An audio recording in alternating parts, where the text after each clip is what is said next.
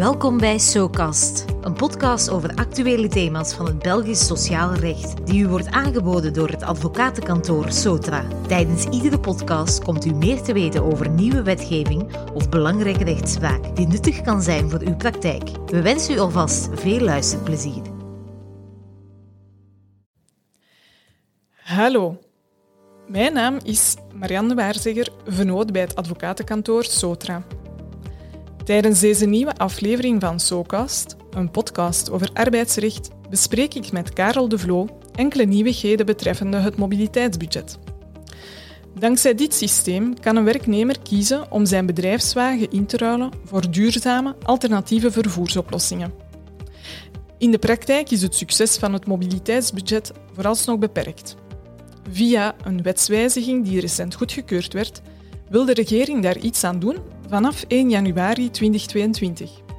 Het is dan ook een goed moment om de grote lijnen en de nieuwigheden van het systeem onder de aandacht te brengen.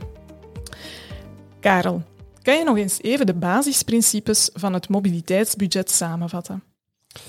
Wel, het principe is op zich eenvoudig. Werknemers kunnen, kunnen hun bedrijfswagen inruilen voor één of meerdere milieuvriendelijke alternatieve vervoersoplossingen. Het budget is gelijk aan de zogenaamde total cost of ownership van de bedrijfswagen van de werknemer. De alternatieven waaraan dit budget kan besteed worden zijn onderverdeeld in drie pijlers. Zo kan de werknemer bij, gevolg doorheen het jaar het budget besteden aan bijvoorbeeld een milieuvriendelijke wagen. Dit is de zogenaamde pijler 1. In de tweede pijler vinden we allerlei alternatieven zoals abonnementen en ticketten voor openbaar vervoer, fietsen, carsharing enzovoort.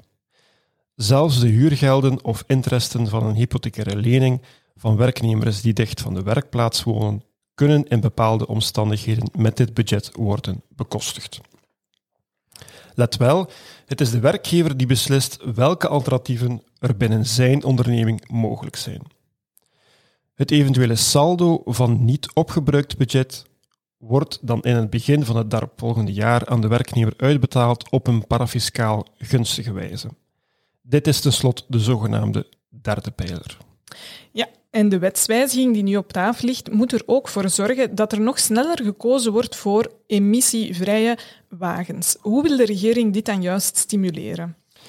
Wel, enerzijds wordt er gesleuteld aan de opties van pijler 1 en 2 van het mobiliteitsbudget.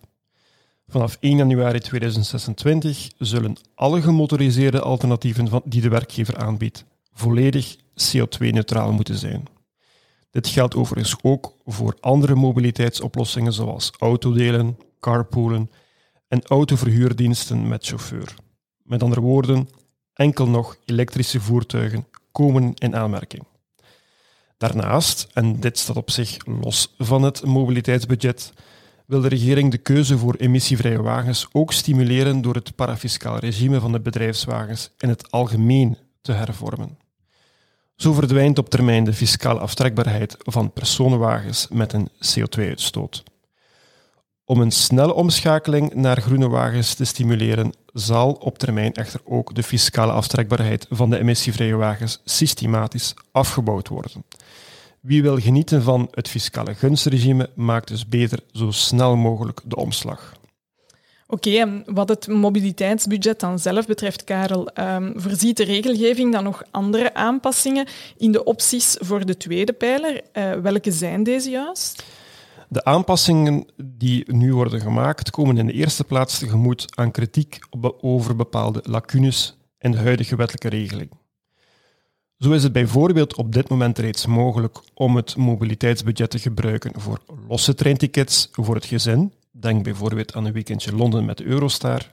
Wel, vanaf nu zal het ook mogelijk zijn om dat budget te gebruiken om abonnementen voor het openbaar vervoer te bekostigen van de inwonende gezinsleden van de werknemer. Een ander punt van kritiek betrof het feit dat de keuze voor het openbaar vervoer niet voor iedereen volledig kosteloos was. Vanaf 2022 kan een werknemer die zijn wagen achterlaat in een stationsparking, om vervolgens de trein naar het werk te nemen, deze parkeerkosten wel inbrengen. Hetzelfde geldt trouwens voor werknemers die al dan niet een gedeelte van hun traject te voet afleggen, Wel, nu wordt er een wandelvergoeding voorzien, uitdrukkelijk toegestaan in uh, de wetswijziging. Tot slot wordt huisvesting in de buurt van de werkplaats verder aangemoedigd. Zo kunnen voortaan de huurgelden of interesten op hypothecaire leningen voor de woning gelegen in een straal van 10 kilometer rond de arbeidsplaats worden ingebracht. Tot voor kort was dit slechts 5 kilometer. Ik merk ook nog even op dat de wet voortaan uitdrukkelijk bepaalt dat de werkgever minstens één optie uit pijler 2 moet aanbieden. Het is dus niet langer mogelijk om enkel de parafiscaal gunstige cashbonus uit pijler 3 voor te stellen. Um, Oké, en komt elke werknemer sowieso in aanmerking uh, voor een mobiliteitsbudget? Wel, de invoering van een mobiliteitsbudget is voor alle duidelijkheid geen verplichting. De werkgever beslist of hij dit al dan niet wil aanbieden. Voorwaarde is wel dat de werkgever reeds gedurende een periode van minstens 36 maanden aan minstens één werknemer een bedrijfswagen ter beschikking heeft gesteld. Is deze voorwaarde vervuld, dan kan iedere werknemer die volgens de carpolicy in aanmerking komt voor een bedrijfswagen in principe een mobiliteitsbudget aanvragen. Ook dat is nieuw.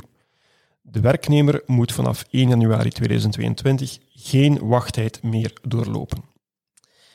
Goed, nu, werkgevers die overwegen om zo'n mobiliteitsbudget in te voeren, die breken vaak hun hoofd over de wijze waarop dit nu allemaal moet berekend worden. Uh, zo klaagt men, klaagt men, toch wel over het feit dat het niet altijd duidelijk is wat er nu juist meetelt om dat budget uh, te gaan bepalen en hoe alle uitgaven concreet moeten begroot worden. Heeft de wetgever ook iets aan die bezorgdheid gedaan? Nee, nog niet echt. Het wetsontwerp voorziet dat de regering bij KB de berekeningsmethode van het mobiliteitsbudget en de bestedingsmogelijkheden kan vastleggen. Dat zou in ieder geval de rechtszekerheid verhogen en de onzekerheid bij veel werkgevers in ieder geval wegnemen. Voorlopig moeten werkgevers zich nog steeds baseren op het begrip Total Cost of Ownership, of TCO van de bedrijfswagen. Dit heeft onder andere betrekking op de jaarlijkse brutokosten voor de werkgever van de bedrijfswagen, de parafiscale lasten hierop, de verzekeringen, de brandstofkosten enzovoort. De wetswijziging voorziet wel twee technische aanpassingen. Zo zal de werkgever vanaf 1 januari 2022 de mogelijkheid hebben om de kosten die voortvloeien uit het beroepsmatig gebruik van de bedrijfswagen uit de begroting van het mobiliteitsbudget te halen. Voorwaarde is wel dat de onkosten voor de professionele verplaatsingen apart vergoed worden tijdens de toekenning van het mobiliteitsbudget. Daarnaast wordt vanaf 1 januari 2022 een minimum- en maximumbedrag voor het mobiliteitsbudget opgelegd. Met name minimaal 3000 euro per kalenderjaar en maximaal 1 vijfde van het totale bruto loon van de werknemer, met een absoluut maximum van 16.000 euro per kalenderjaar. Voor de mobiliteitsbudgetten die reeds toegekend werden voor de inwerkingtreding van deze wet, zullen deze grenzen pas vanaf 1 januari 2023 gerespecteerd moeten worden. Bedankt Karel voor deze toelichtingen en dank u voor het luisteren en tot snel voor een nieuwe aflevering van SoCast. SoCast wordt u aangeboden door Sotra, een advocatenkantoor gespecialiseerd in sociaal recht voor de private en publieke sector. Surf naar www.sotra.be voor meer informatie over onze diensten.